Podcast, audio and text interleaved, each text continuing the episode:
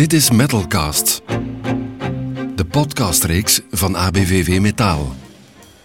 De coronacrisis heeft een aantal problemen in onze samenleving duidelijk naar voren gebracht.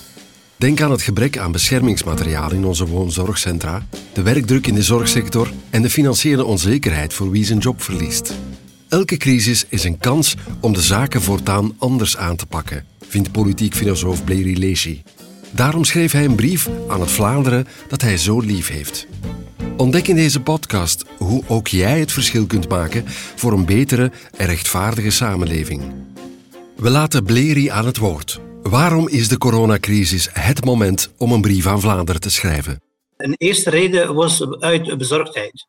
De instelling van de nieuwe Vlaamse regering vorig jaar, het beleid waarmee ze uh, afkwamen, nog steeds voert. Heel de protesten uh, de sociale sector, artistieke sector, zorgsector, overal, uh, zeg maar. En het feit dat de politiek daar geen oren naar had, maakte eigenlijk dat ik toch wel bezorgd was.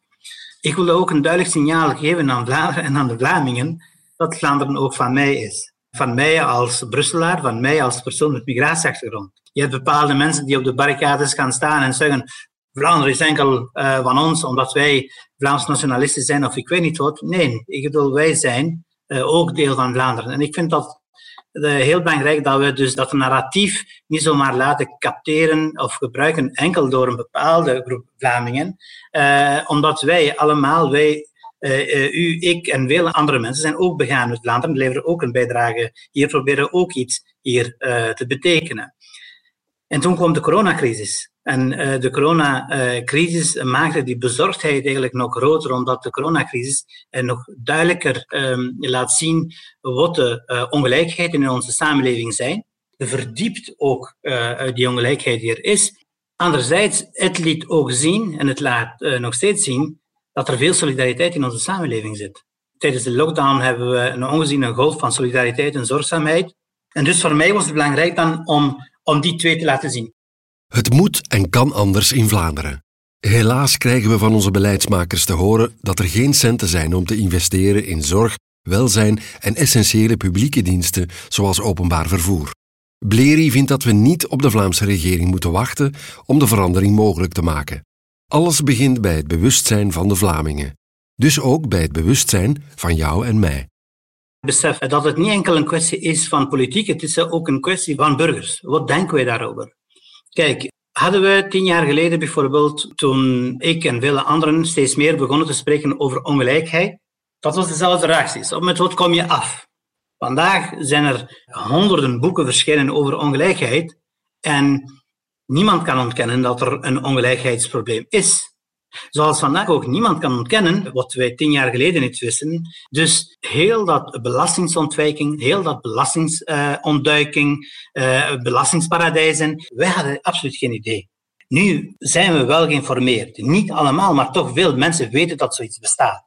Fiscale paradijzen weten, hebben over Cayman-eilanden, over Bahama's en al die toestanden gehoord. Wat ik hiermee wil zeggen is dat het, het tijd vragen tot bij de mensen ook het besef is dat eigenlijk het is niet abnormaal om te vragen van deze grote bedrijven, van deze multinationals, van deze rijke mensen, dat zij hun eerlijke deel aan belastingen betalen. Als burger moeten we dus massaal onze stem laten horen en eisen dat de superrijken en multinationals eerlijk hun belastingen betalen. Wij moeten dit uh, echt wel op tafel leggen en zeggen, dit moet anders. En dit moet, zoals voor, voor elk van ons, en zeker voor deze multinationals, die profiteren van de mensen die ze in dienst nemen. Dat zijn mensen die geschoold zijn geweest met belastingsgeld, om te beginnen. Die profiteren van de, van de vrede en stabiliteit in een land zoals België of in Vlaanderen. Daar zorgen wij voor. Daar investeren wij. Dat, is de sociale welvaart, de sociale zekerheid die welvaart mogelijk maakt. Die profiteren van de hele infrastructuur die bestaat in Vlaanderen, in dit land. Hoe is die infrastructuur uh, tot stand gekomen? Met belastingsgeld. Dus daarom dat ik zeg, dat zijn de echte profiteurs. Ja? En uh, ik vind we aan dat gepamper beleid voor de superrijken echt wel een einde moeten maken. Eerlijke belastingen voor multinationals is een politieke keuze. Alles in ons leven is politiek, vindt Bleri. En daarom moet ieder van ons zijn of haar stem laten horen. Wat mijn voorstel in het boek is, wij moeten beseffen dat politiek niet enkel partijpolitiek is. Dus dat politiek veel meer is dan bepaalde politieke partijen, of alle politieke partijen als je wil, of een parlement. Dan beseffen we eigenlijk dat heel veel, alles zelfs in ons leven, op een of andere manier wordt bepaald door politiek. Wat er met de coronacrisis gebeurt, dat zijn politieke keuzes die gemaakt worden. Wat met ons onderwijssysteem uh, gebeurt. Wat met het uh, um, sociale zekerheid. Maar we weten ook dat sociale zekerheid, alles heeft te maken met politiek. En hierin zeg ik, we moeten politiseren. En politiseren dus is eigenlijk niet meer of niet minder dan bewust worden van het feit dat heel veel in ons leven eh, te maken heeft met politiek. En wij moeten daarin uh, ons positioneren.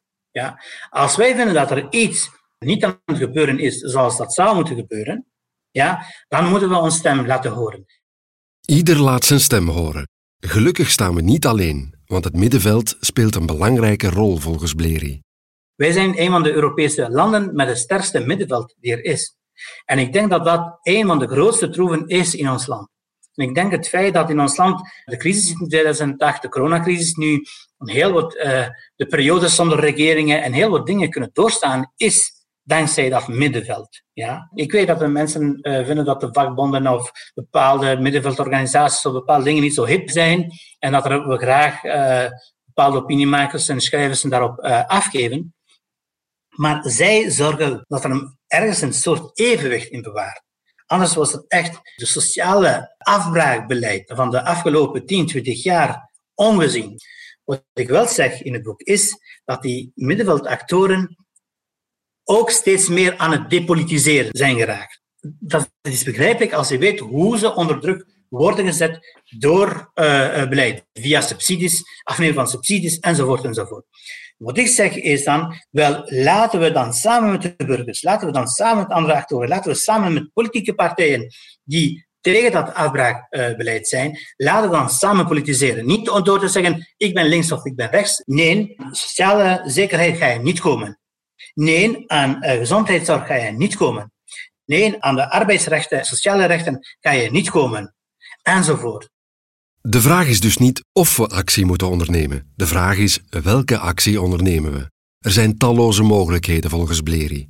Zijn advies? Start in je onmiddellijke omgeving. Het burgerinitiatief 1030 in Schaarbeek is daar een voorbeeld van. Mijn filosofie is eigenlijk makkelijk samen te vatten in alle kleintjes helpen. Wat bedoel ik daarmee? Ik ben zelf uh, aangesloten bij een vakbond. Uh, ik probeer in mijn wijk, uh, hier waar ik woon, in Schaarbeek, actief te zijn.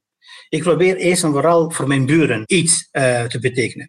Ik heb geprobeerd ook in mijn job iets te betekenen. Dus er zijn al velen onder ons hoor. Ik ben niet de enige die dat doen. Ik geef een voorbeeld. Je hebt um, het voorbeeld in Schaarbeek, staat ook in het boek, ik woon in Schaarbeek, 1030 rond verkeersveiligheid. We zagen dat er vanuit de uh, overheid geen acties werden uh, genomen. Burgers zeiden, weet je wat, inwoners van, uh, van deze gemeente, wij willen actie ondernemen. Ze hebben actie ondernomen en het werk van de actie, van hun acties van onderuit, niet enkel 1030, maar van die tientallen organisaties rond verkeersveiligheid, rond luchtvervuiling enzovoort, zie je in het regeerakkoord van de Brusselse regering. Zie je in het beleidsplannen die de Brusselse regering volop aan het uitvoeren is. We hebben ze zo onder druk gezet dat ze geen andere uitweg hadden. Actie ondernemen is goed.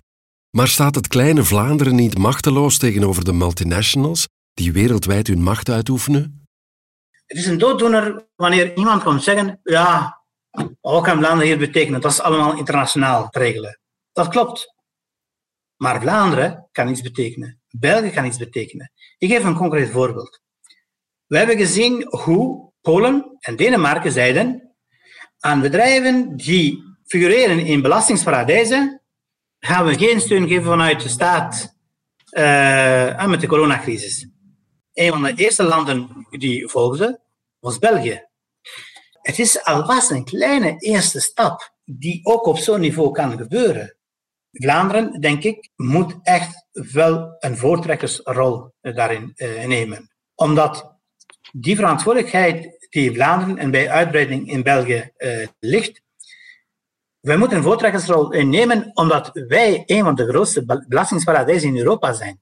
Dus willen wij die verandering, dan moeten we eerst en vooral het hier aanpakken. De boodschap van Bleri Leesje is duidelijk. Het is tijd voor een nieuw en warm beleid in Vlaanderen. Een beleid dat zorgt voor meer welzijn en rechtvaardigheid. Wil jij ook zijn brief aan Vlaanderen lezen? Bleri's boek Wat na corona, brief aan Vlaanderen, is uitgegeven bij uitgeverij EPO.